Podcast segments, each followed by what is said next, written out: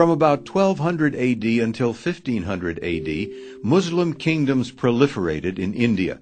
Kings moved east from Delhi to Bengal. In the west, Muslims gained control of the Gujarat region and involved themselves in the lucrative West Coast trade.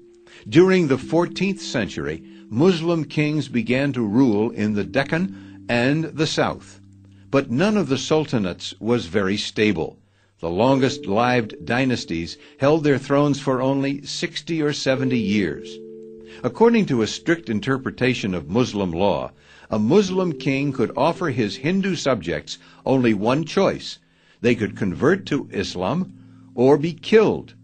Many Hindus gravitated to the courts of the sultans, allying themselves with the Muslims and adopting Muslim styles of dress and culture. But in reality, Hindus usually were tolerated, just as Mahmud of Ghazna had tolerated them. In the 19th century, political tensions became extreme. Only then did Hindus make it fashionable to stress Muslim cruelty and religious bigotry. These later tensions did not accurately reflect the cooperation that had characterized Hindu-Muslim relations for many centuries. Rajendra Prasad, a Hindu scholar, has described the need for a fair appraisal of Muslim rule. It would be a useful service if some scholar could bring together a list of the numerous endowments and grants made by Muslim kings to Hindu temples and shrines such as has been done of those desecrated or destroyed by them.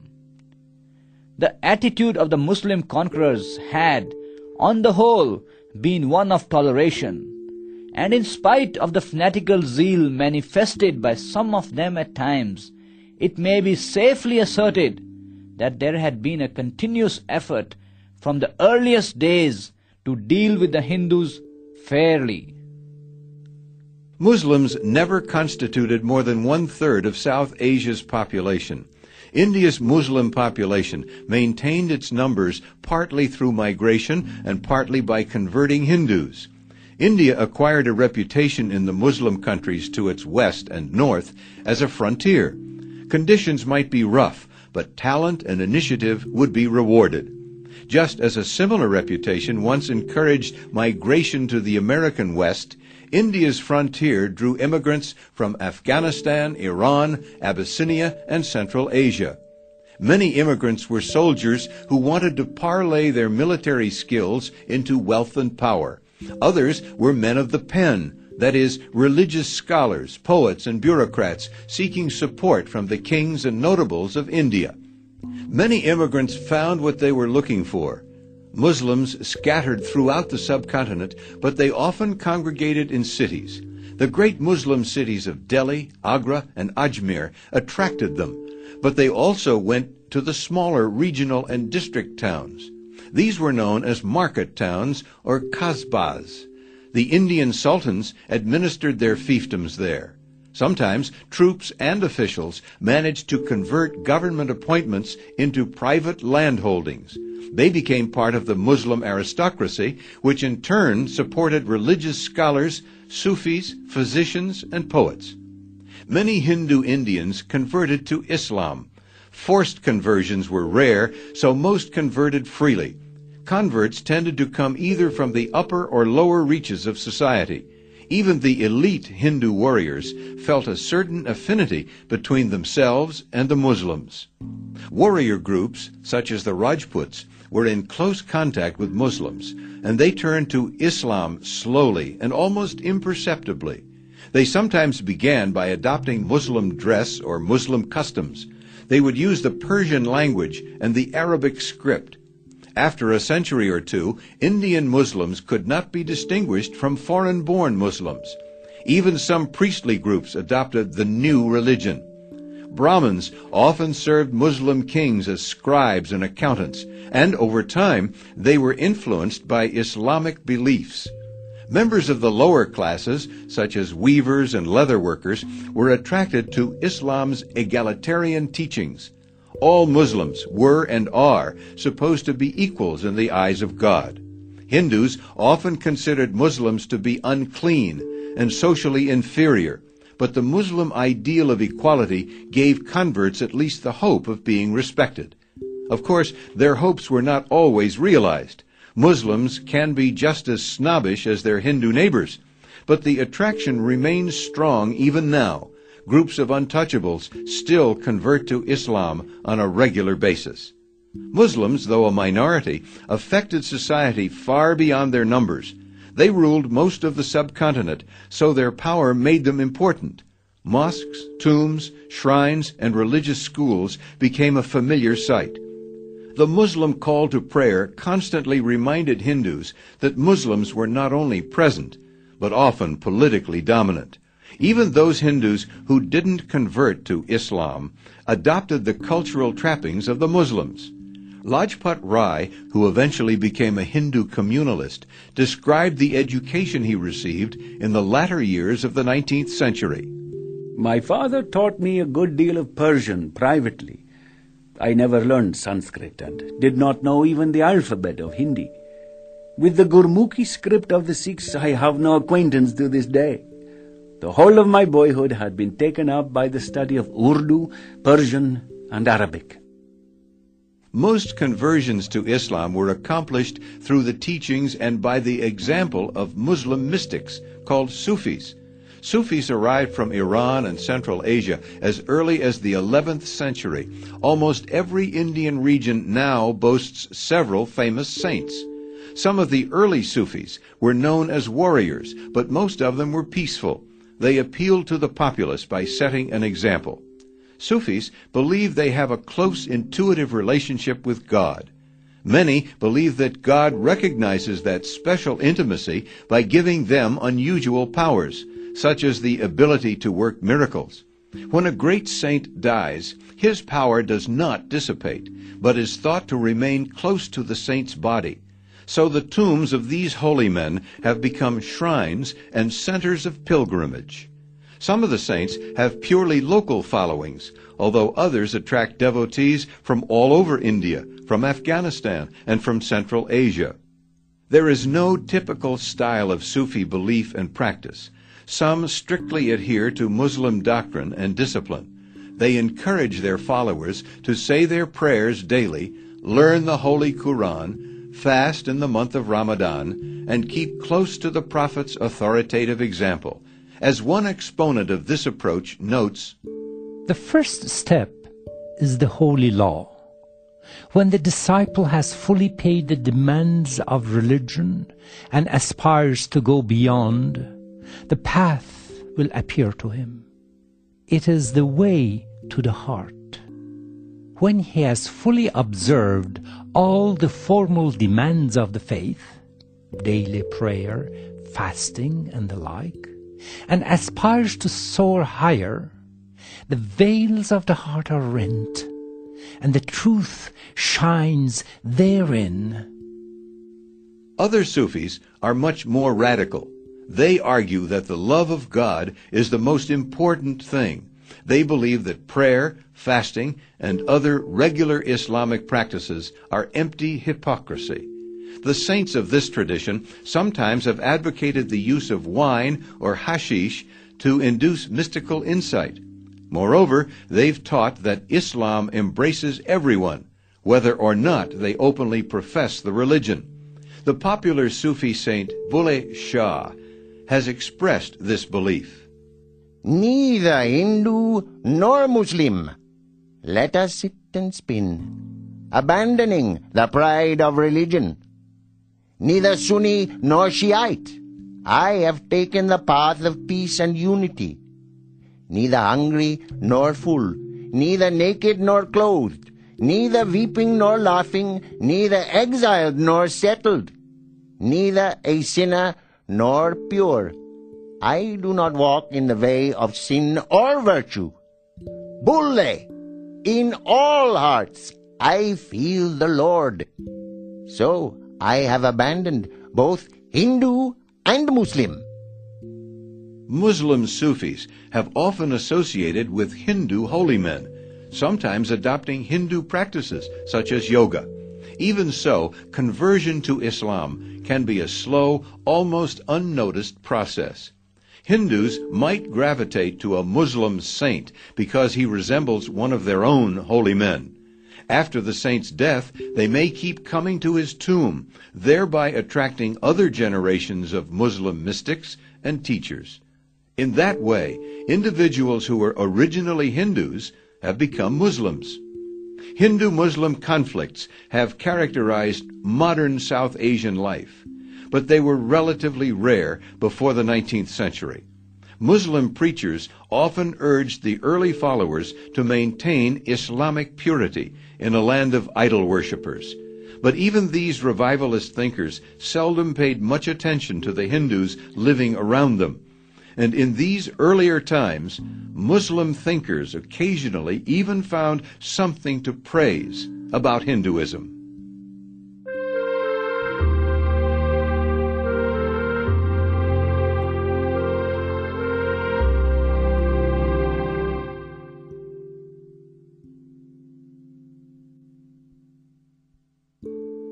Muslim immigration from the northwest continued into the 20th century, but the last major empire builders, the Mughals, arrived in India during the early 16th century. Mughal is the Persian word for Mongol, and it's also the root of the modern slang term Mogul. The Mughals acquired this name by claiming descent from two Mongol conquerors, Genghis Khan and Timur Ilang, known in the West as Tamerlane. For most of its early history, the Mughal dynasty sought dominion in Central Asia, especially over the cities of Fargana and Samarkand. These are located in what later became the Soviet republics of Tajikistan and Uzbekistan. In the 1520s, the chief of the Mughal clan, Zahir ud-Din, was defeated several times by rival chiefs. He tried to reestablish the family's fortunes in the city of Kabul, Afghanistan. But like so many earlier Muslim rulers, he was short of cash. Eventually, Zahir ud-Din turned his eyes toward India. In 1526, he entered the Indo-Gangetic Plain, the area drained by India's Ganges River, with a small force of 10,000 men. Many of the soldiers were Mongols and Turks who seemed to have trouble pronouncing their leader's Islamic name, Zahir ud-Din. So they gave him the nickname of Babur, which in Mongolian means the panther. The nickname stuck, and Zahir ud-Din has appeared throughout the history books as Babur. Though Babur's force was small, it included a contingent of Turkish artillerymen manning batteries of the latest cannon. The Ottoman Turks were famous for their advanced artillery tactics. Their guns had figured prominently in siege warfare for over a century. But now the Turks had learned how to use cannon on the battlefield. Their strategy was to draw up a line of carts, chain them together, and place the cannon at strategic openings in this wall of wagons. Babur's army would use this innovation with devastating effects.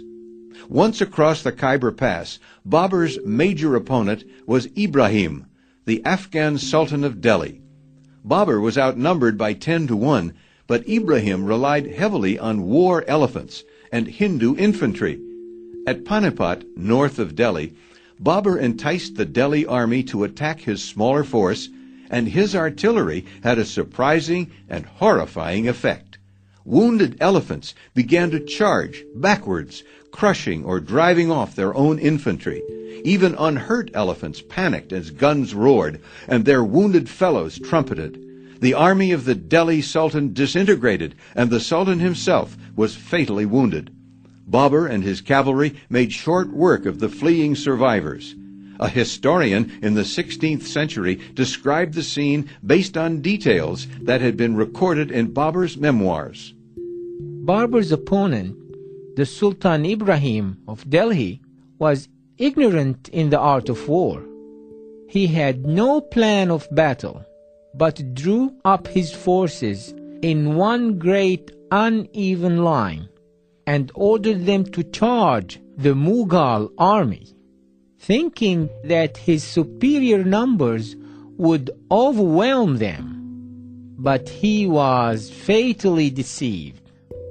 The Mughals stood firm, and their artillery did great damage. Ibrahim's column began to break and turn. Those who advanced were repulsed. When they tried to retreat, they found the Mughal cavalry surrounding them. Five thousand men fell on one small patch of ground near Sultan Ibrahim. When Ibrahim was slain, the army recoiled like surges of the sea from a rocky shore.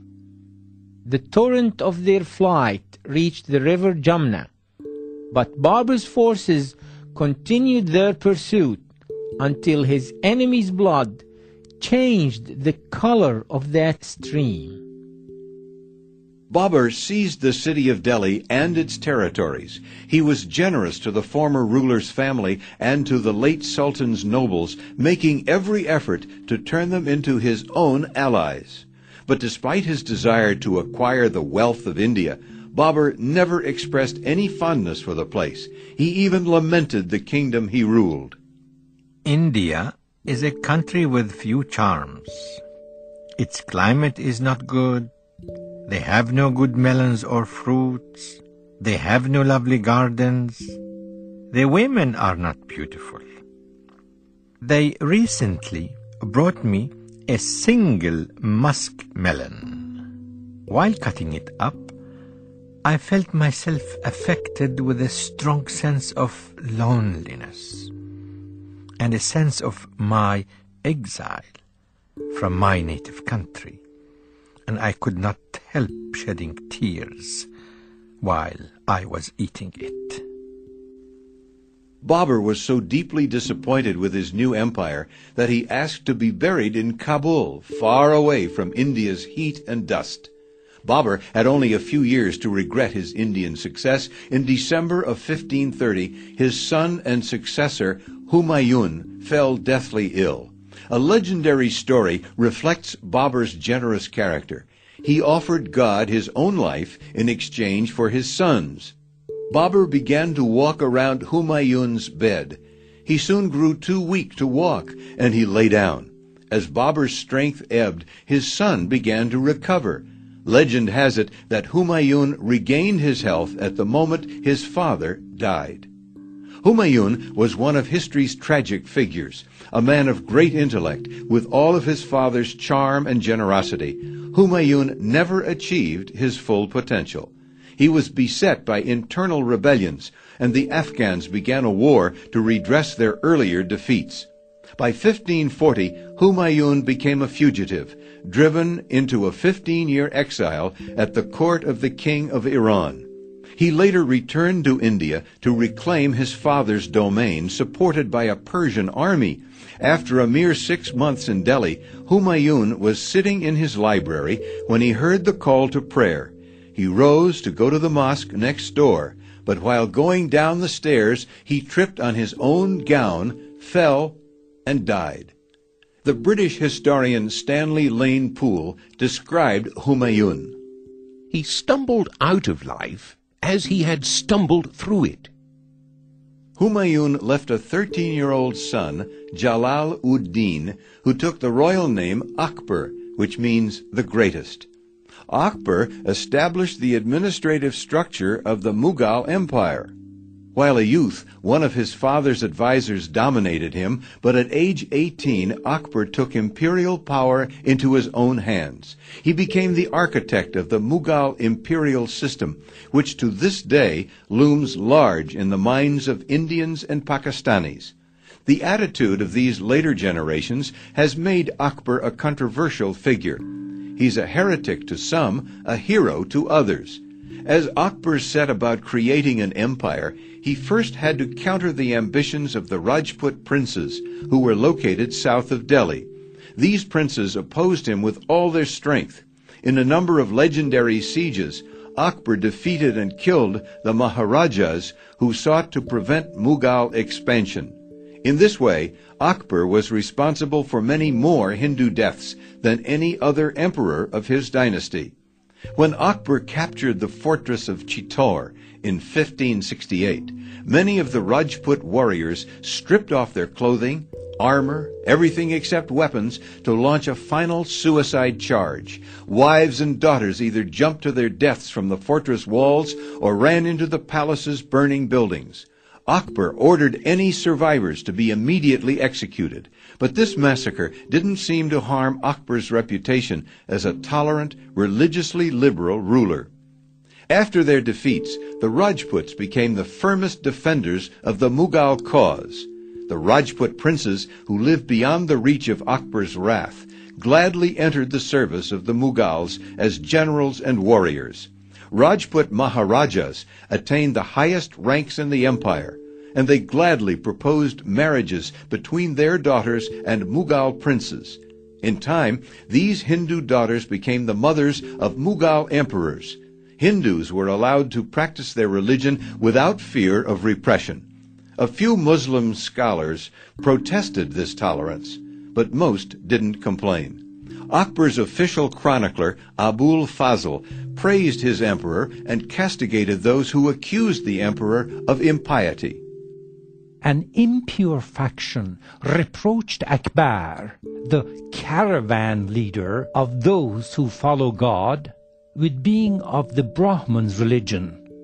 The ground for this improper notion was that the emperor out of his wide tolerance, received Hindu sages into his intimacy, and increased, for administrative reasons, the ranks of the Hindus, and for the good of the country, showed them kindness. Akbar established a corps of warrior bureaucrats in the Mughal imperial system. These officials were ranked according to the number of horse soldiers they were supposed to send to the imperial army. Entrance requirements and promotions were based almost entirely on merit. Able soldiers and administrators of any religion or social origin could expect to advance if they were absolutely loyal to the emperor. Akbar controlled the nobles by regularly shifting their appointments. A highly placed official might serve as a provincial governor for two years, then be recalled to court and given a new assignment. This prevented the officials from acquiring local bases of power from which they might challenge the emperor's authority. Akbar was brave, shrewd, harsh when he needed to be, yet generous by disposition. He was intellectually curious, but he never learned to read or write. So he had books read to him, and he took a keen interest in religious and philosophical issues. Throughout his life, Akbar favored Sufis over Muslim religious scholars, whom he found to be too dogmatic and narrow-minded. Though Akbar came to the throne at age 13, he produced no son and heir until he had ruled for more than 15 years. He made many pilgrimages, sometimes on foot, to the tombs of famous saints. He also associated closely with a living holy man named Sheikh Salim Chishti, in a charming story, Akbar's son, who later became the Emperor Jahangir, tells of this relationship in his memoirs. One day, my father asked Sheikh Salim, Will I have sons? Sheikh Salim answered, God, the giver, who gives without being asked, will bestow on you three sons. My father, in his joy, said, I ask you to give my firstborn your protection, and I will give him your name to confirm it. When my mother approached the time of delivery, my father sent her to stay in Sheikh Salim's house. And so I received his name.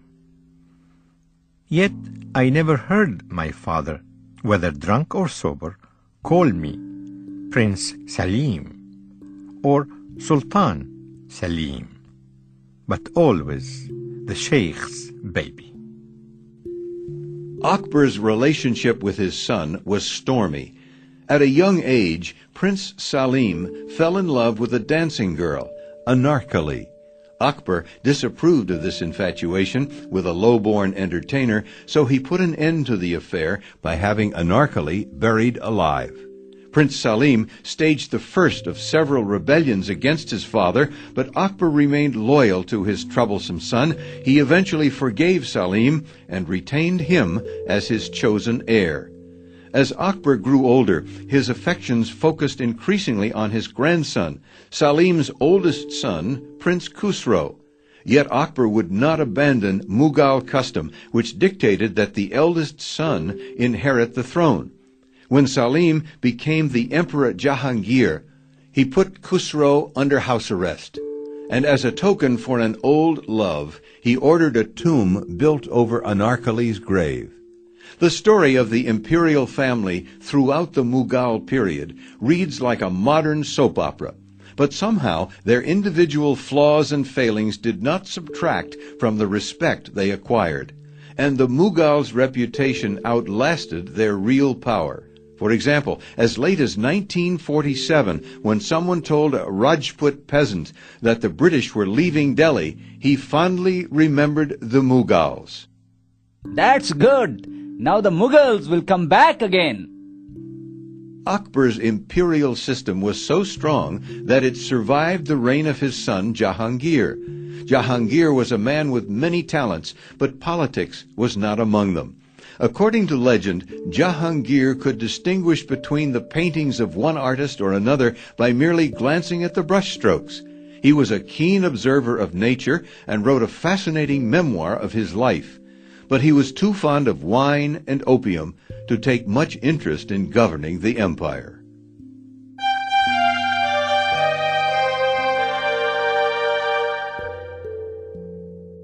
Of all the Mughal emperors, Jahangir's son, Shah Jahan, is best known by Americans.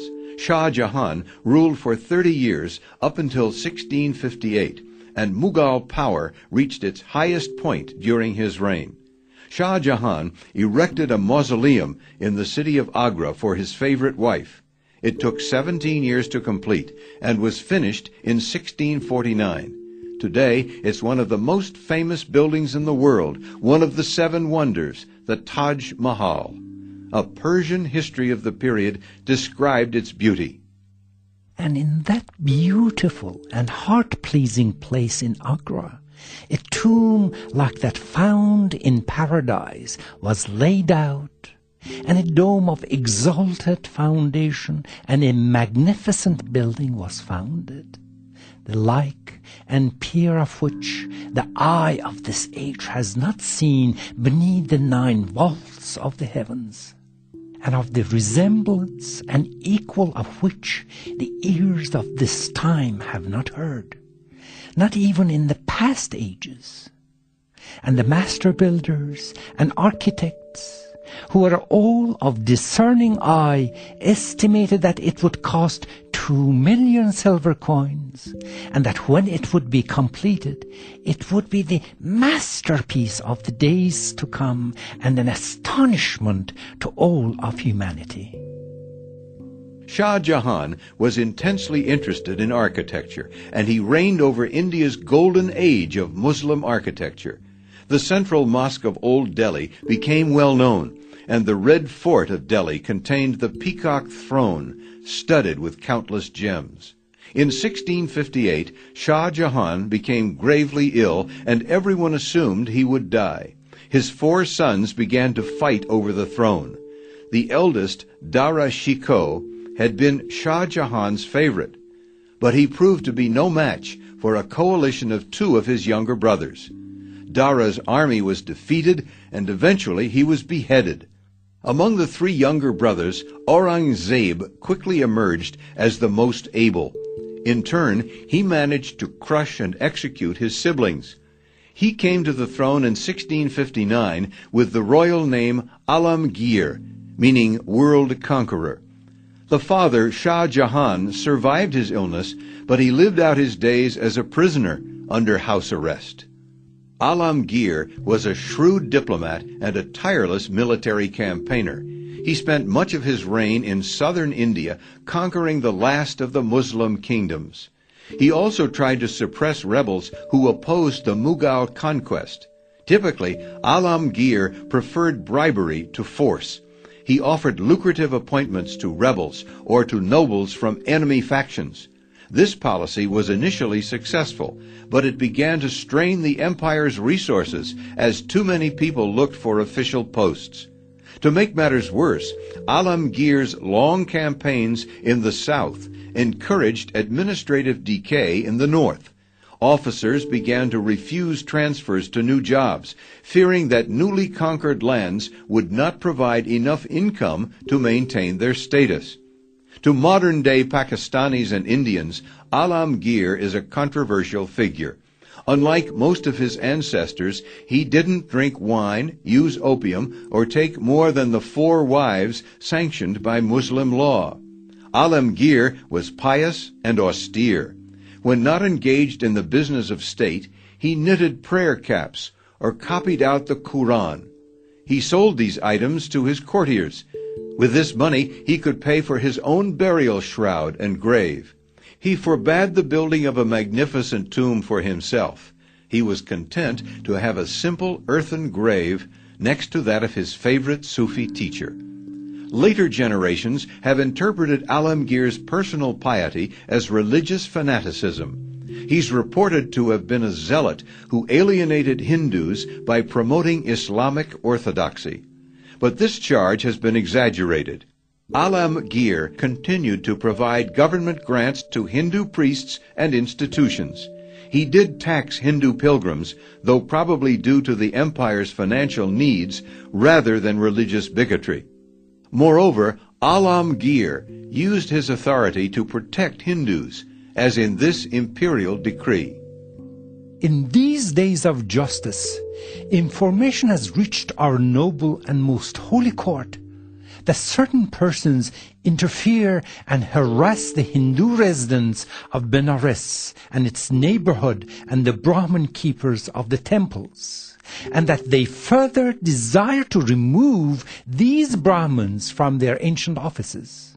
And this intimidation of theirs causes distress to that community Therefore, our royal command is that after the arrival of this order, you should direct that in the future no person shall in unlawful ways interfere or disturb the Brahmins and other Hindu residents at these places, so that they may, as before, remain in their occupation and continue with peace of mind to offer prayers for the continuance of our God given empire, so that it may last forever. Treat this order as urgent. Alamgir died in 1707 at age 89 after a 47 year reign. But his longevity probably hurt the empire. His sons tottered off to fight one another in the War of Succession, but they were themselves old men in their sixties. The battles over the throne lasted some five years, and the winner had merely two years to enjoy the prize before he died. Another war of succession followed, and the imperial administration continued to disintegrate. Mughal authority became obviously weaker, so provincial governors and local strongmen began fighting with one another to expand their control. New leaders appeared with obscure social pedigrees, and groups like the Marathas of western India came forward to contend for power. The Marathas began as warrior peasants in the area called Maharashtra. They were skilled with swords and muskets, and they became a mobile force by using small, locally bred ponies to raid and plunder outside their home region. The Marathas were no match for the Mughal army's heavily armored cavalry, but they soon learned the art of guerrilla warfare. When pursued, they melted into the nooks and crannies of their native hills. The Mughal troopers would be called away, and the Marathas would emerge again to cause trouble. Gangaram, a Bengali poet, described a Maratha raid in the 1740s. The Marathas came up and encircled some fleeing villagers on the plain. They snatched away gold and silver, rejecting all else. Of some people, they cut off the hand, of some the nose and ears, Some they killed outright. They dragged away the beautiful women. After looting in the open, they entered the villages. They set fire to the houses, large and small, temples and dwelling places. After burning the villages, they roamed on all sides plundering. Give us rupees! Give us rupees! Give us rupees! They shouted. When they got no rupees, they poured water into the nostrils of their victims or drowned them in tanks. Some they suffocated. Those who had money gave it to them. Those who had none gave up their lives. The Mughals tried bribery and repression to eliminate the Maratha threat, but each effort brought only limited success. One of the Maratha chiefs, Shivaji, was particularly adept at playing politics in this cycle of rebellion, temporary submission, then renewed rebellion. The Marathas were only two generations away from being mere village strongmen, but they soon became a major force in the politics of North and Central India. By the middle of the 18th century, the Maratha chiefs were trying to control the Mughal emperor himself. The Mughals no longer had much power, but they still enjoyed great prestige. Every new warlord still wanted to have the Mughal emperor's approval. The Mughal dynasty was to survive until 1859, but few of the emperors who followed Alamgir approached the early Mughals in wealth and power.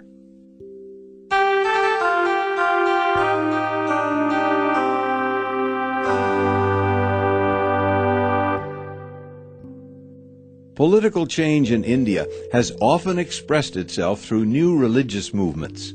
Some gurus or teachers have wanted to abandon the well-known faiths of Islam and Hinduism. For example, Nanak, originally a Hindu, led the development of a new devotional contemplative religion in the early 1500s, but he died in 1539. Nine other gurus followed Nanak. Each claimed to possess the same Spirit of God that had possessed Nanak. A community of faith, the Khalsa, gradually took shape under those ten teachers. Those outside the movement called its followers Sikhs, a word meaning student or disciple. Among themselves, believers referred to themselves as Panthis, meaning people following the same path. Sikh gurus teach that there is only one God, and this teaching is codified in their holy book, the Sri Guru Adi Granth. There is one God. Eternal truth is his name, maker of all things, fearing nothing, and at enmity with nothing. Timeless is his image, not begotten, being of his own being, by the grace of the Guru made known to men. To the Sikhs, all other known religions have lost touch with that one true God. As the Sikhs say, we are not Hindu, we are not Muslim. Each of the ten gurus came from urban mercantile backgrounds, but most of their followers came from the Jats, a caste of warrior peasants in India's state of Punjab. Sikhs emphasize that all of the faithful are equal, as their holy book says, In the womb of his mother, no man knows his caste. All men are born from God's one spirit. What makes you a Brahmin? and I merely a Shudra. If blood runs in my veins, does milk flow in yours? Guru Nanak and most of his successors preached nonviolence, but the last guru, Gobind Singh, responded to persecution by turning the community of faith into a militant organization. He ordered all male Sikhs to take a special baptism and use the name Singh, which means lion. Women took the name Kaur, meaning pure. No male was allowed to cut his hair or trim his beard. This set Sikhs apart from Hindus, who customarily shaved their faces and heads. Sikh militancy was expressed in four other commands of Gobind Singh. Males must keep their long hair tied with a comb to prevent their enemies from grabbing it in battle.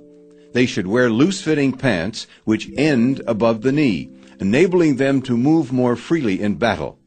They should always carry a short sword and wear a steel bangle as a symbol of their strength. And finally, Gobind Singh announced that after his death there would be no more living gurus. Henceforth, the Spirit of God would reside in a book containing poems by the ten gurus and religious poetry by respected Hindu and Muslim saints. Known as the Sri Guru Adi Granth Sahib, this book is the guide for all who accept baptism into the Sikh community. The Sikh homeland in the Punjab region is very fertile in some sections. For that reason, nearby Delhi kingdoms have often exploited the area for its surplus grain.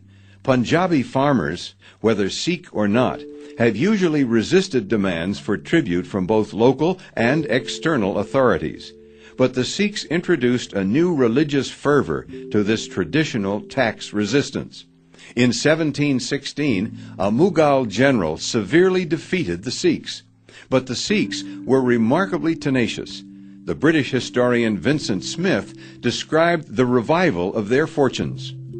The Sikh remnant in the Punjab hills, though apparently leaderless as well as stateless, was held together by a body of doctrine which made them look upon themselves as a chosen people and by a ritual of daily life which underlined their separateness, both to themselves and to others. The troubles of the 1750s were their opportunity. Their advance was rapid, but disorderly. No strong chief existed to check them, but no accepted leader directed their movements. They spread over the Punjab in a number of war bands, gaining converts and recruits as they proceeded, gradually forming themselves into a number of embryo states. These Sikh kingdoms were to survive until the 1840s when the British would conquer them. Among all the forces competing for influence in 18th century India, Europeans began to make their presence felt. The Portuguese had been the first to arrive near the very end of the 15th century.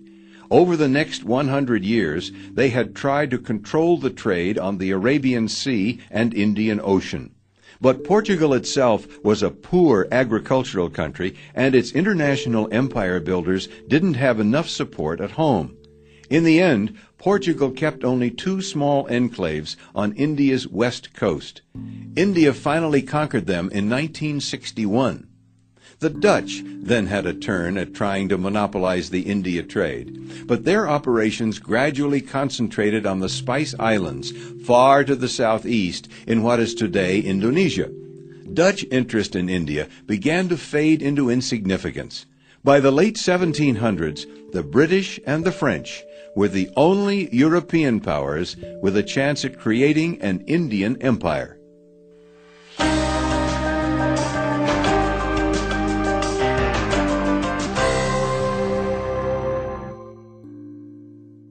Britain's Queen Elizabeth I gave a charter to the East India Company on December 31, 1600.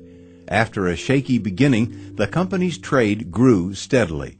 A British trading station was set up at Surat on the west coast. Another at Fort St. George on the southeast coast was to become the city of Madras. Fort William in Bengal, far to the east, was to become Calcutta. Then, in 1669, the British acquired the island of Bombay on the west coast. Eventually, Bombay would become a commercial metropolis with few rivals in the world. At the beginning, the British staked their trade on concessions granted by the Mughal emperors. They presented suitable gifts to the ruler, and they received various imperial charters that exempted them from transit duties. But when Mughal power began to wane in the 18th century, the British found local rulers less willing to heed imperial orders. The British were pressured to pay more and more in local taxes. India's petty princes threatened violence, so the British began to arm and train soldiers. Some of them were Europeans, a motley collection of castaways and deserters from ships. Many of the soldiers were not British, but Danes, Swedes, Frenchmen, and Dutch. Still, iron discipline shaped them into an organized body of troops. But there were always too few Europeans, so the British recruited and trained Indians, mostly warrior peasants. These Indian warriors got European style weapons, uniforms, and training and were supervised by British officers.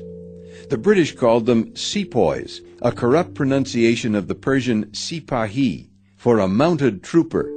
The French also trained and armed Indians. Britain's military leader in the mid 18th century came from a somewhat unlikely source. Robert Clive had been the ne'er do well son of a middle class English family. Rather than tolerate his failures, they had obtained for him a job as a clerk in the British East India Company. He went to India in 1744, and it's been said he went to make a fortune or die of a fever. Clive was a restless young man, completely bored by accounts and ledgers. He became so depressed that one day he put a pistol to his head and pulled the trigger. The gun misfired, and Clive came to believe that God had destined him for greater things. In 1746, the French appeared to have the upper hand in South India. Under a brilliant politician and general, Joseph Dupleix, they captured Madras, bagging a number of British prisoners, including young Robert Clive. Also in that year, Dupleix took a force of 200 Frenchmen, added 700 Indians trained by the French, supplied them with a few cannon, and defeated an Indian army of more than 10,000. Both foreigners and natives could see that European tactics would soon dominate Indian battlefields. In response to these victories, the board of directors of the French East India Company could only warn Dupleix. The company fears that so audacious a plan for the conquest of South India will create an implacable hatred against us without any financial gain, and that our establishments in the Ganges basin will be its victim. The government of Louis XV of France had little interest in India and didn't support its agents there. It ordered Dupleix back to France in 1754 for wasting money on adventures that did not turn a profit. Meanwhile, Robert Clive came into his own as a soldier.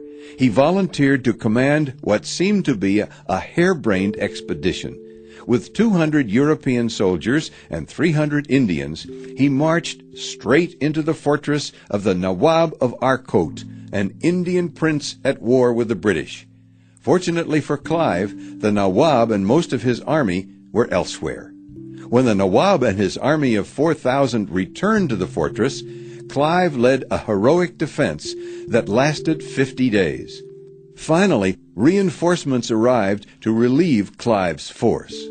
Clive became an overnight celebrity, and he found that he could have any military command of his choice. In 1756, more trouble arose, this time between the British and the ruler of Bengal, Siraj ud Daulah.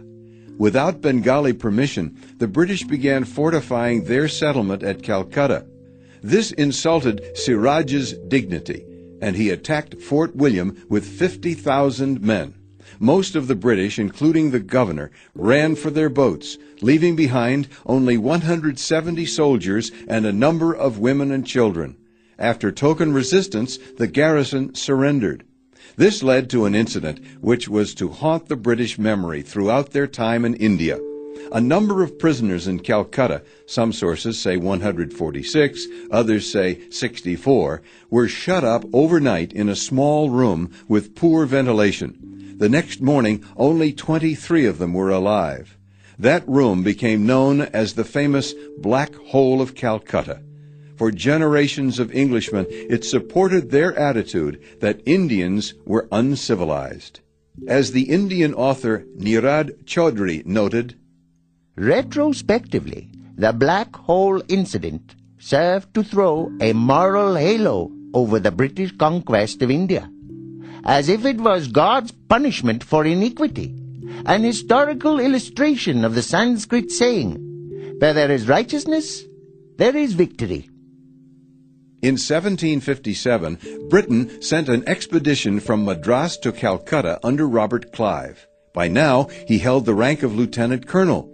His force consisted of 900 Europeans, 1,500 Indians, and 10 British warships. But meanwhile, the Seven Years' War, known in America as the French and Indian Wars, had begun. Britain was again at war with France. Hearing that hostilities were underway in Europe, Clive and the naval commander, Admiral Watson, first attacked and captured a French outpost. Having eliminated the French presence in Bengal, they turned their attention to the Indian prince Siraj. Using money from prominent Hindu bankers in Calcutta, Clive picked one of Siraj's relations, Mir Jafar, and supported him as a rival claimant to the throne. On June 23, 1757, with a force of 2,800 men, Clive met Siraj's army of 50,000 at a place the British call Plassey. Clive's agents had bribed many of the opposing soldiers with the money from Calcutta bankers. A few volleys were exchanged, then most of Siraj's army deserted. The British won the day and soon installed their candidate as ruler of Bengal. Siraj retreated only to be murdered a few days later by his remaining troopers. His body came floating down the Hooghly River, and his soldiers accepted this as a sign of a new order. After the victory, Clive received cash gifts from the new ruler with a value of almost 300,000 British pounds sterling. The victory at Plassey now made him one of the richest men in England. No one, least of all Clive, seemed to be terribly concerned about what we would now consider to be political corruption. And Clive was never alone in seeking or finding a personal fortune in India. Yet within a few years, Englishmen back home began to show contempt for this new money. The Indo-Persian term for a governor, Nawab, was corrupted into the derisive English term nabob. Many Englishmen began to complain about those who used official posts to loot India. Edmund Burke eventually attacked them in Parliament and warned about future corruption. Animated with all the avarice of age and all the impetuosity of youth, they roll in one after another wave after wave, and there is nothing before the eyes of the natives but an endless, hopeless prospect of new flights of birds of prey and passage, with appetites continually renewing for a food that is continually running out. Clive found that buying his way into the upper reaches of British society didn't satisfy him. In 1774, he committed suicide. Nirad Chaudhuri, one of Clive's biographers, considered the hero's fate in England. A stable and static English society tried to digest this Englishman remade in India. Had Clive remained a normal East Indian nabob, it would have absorbed him. But with each period of activity in India, his achievements became more grandiose, his outlook more exotic, and his idea of what was due him more overpitched. English society found him too big, too strange, and too intractable for reclamation. England profited by his ability and achievements, but destroyed him personally. Historians generally agree that Clive's victory at Plassey in 1757 marked the starting point for British dominion in India. But the Battle of Buxar, which occurred seven years later in 1764, was a much more significant British victory. There, the British defeated a coalition including the Mughal emperor, the governor of Oudh, and the new ruler of Bengal. The beaten Mughal emperor was forced to install British representatives as imperial treasurers for the province of Bengal. For the British, this new influence in the Bengali government solved a long-standing financial problem. For years, the British had been required to pay in silver for the goods they purchased in India. Britain had little that Indians would accept and trade. British wool wasn't much in demand in India's hot climate, and Indian steel and iron were then as good as Britain's. So the British engineered one of history's most elaborate exchanges of wealth. Silver, mined in South America by slaves for the Spaniards, was pirated from Spanish galleons by the British. This silver in turn was sent to India to pay for cotton cloth and other trade goods. The British were now the treasurers of Bengal, and they could expect to receive most of the land tax from the province. The British thought they would obtain more than enough silver to buy all the Indian cloth they required without draining England's own stocks of this precious metal. The British became treasurers of Bengal in hope of gaining a monetary advantage, but they were soon frustrated. Indians knew the country better than the British did, so Indian subordinates were able to pocket the revenue before the British ever saw it. In 1770, Bengal sank into one of the worst famines the region had ever experienced. No one has been able to determine the number of dead with certainty, but estimates range between 3 and 6 million. Company officers paid little attention to the death around them. The directors of the East India Company in London finally complained that Englishmen were profiting by the universal distress of the miserable natives but the British did nothing to relieve the famine. One author described Bengal during this time. The husbandmen sold their cattle. They sold their implements of agriculture. They devoured their seed grain. They sold their sons and their daughters, till at length no buyer of children could be found. They ate the leaves of the trees and the grass of the field. And by June 1770, the living were feeding on the dead. Interment could not do its work quick enough. Even dogs and jackals, the public scavengers, became unable to accomplish their revolting work, and the multitude of mangled and festering corpses at length threatened the existence of the citizens. Faced with a dramatic loss of income, the British decided to take a more aggressive role in governing Bengal. An East India Company official, Warren Hastings, had grown up in the company's service. He was now a Persian scholar and a diplomat. In 1772, Hastings became the Governor General at Fort William, and he wanted to end the administrative incompetence in Bengal. British policy had been to let Indians govern the country, while the British sat back to enjoy the profits. Now, Hastings wanted company employees to become directly involved in ruling Bengal's population. He believed this would put an end to the chaos gripping the region. The young Englishmen who were working for the company in India found themselves increasingly engaged in government rather than commerce.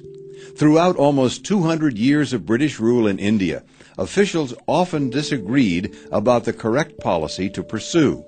Some wish to expand the scope of government, to conquer new territories, and gradually to supplant Indian practices with British ones.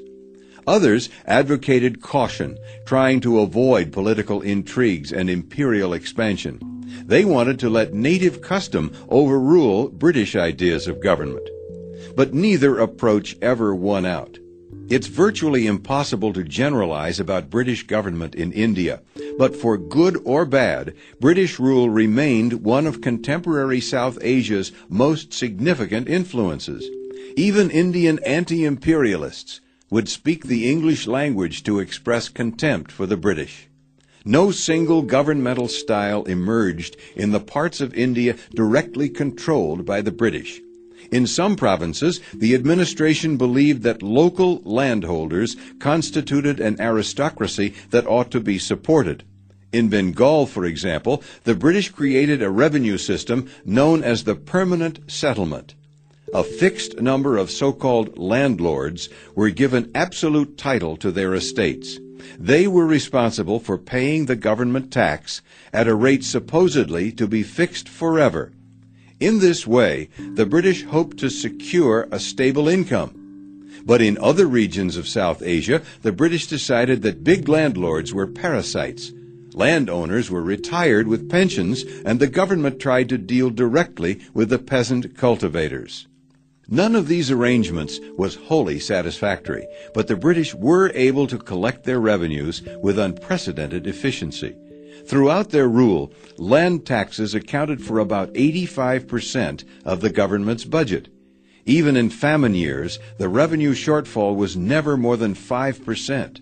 The greatest British influences on India's population turned out to be collecting revenues and enforcing notions of private property. But even the British could never agree whether their revenue system benefited Indians. W. W. Hunter described the impact of the permanent settlement on Muslim landlords in Bengal. The greatest wrong we did to the Muslim aristocracy was in defining their rights. Up to that period, their title had not been permanent, but neither had it been fixed. We gave them their tenures in perpetuity, but in so doing, we rendered them inelastic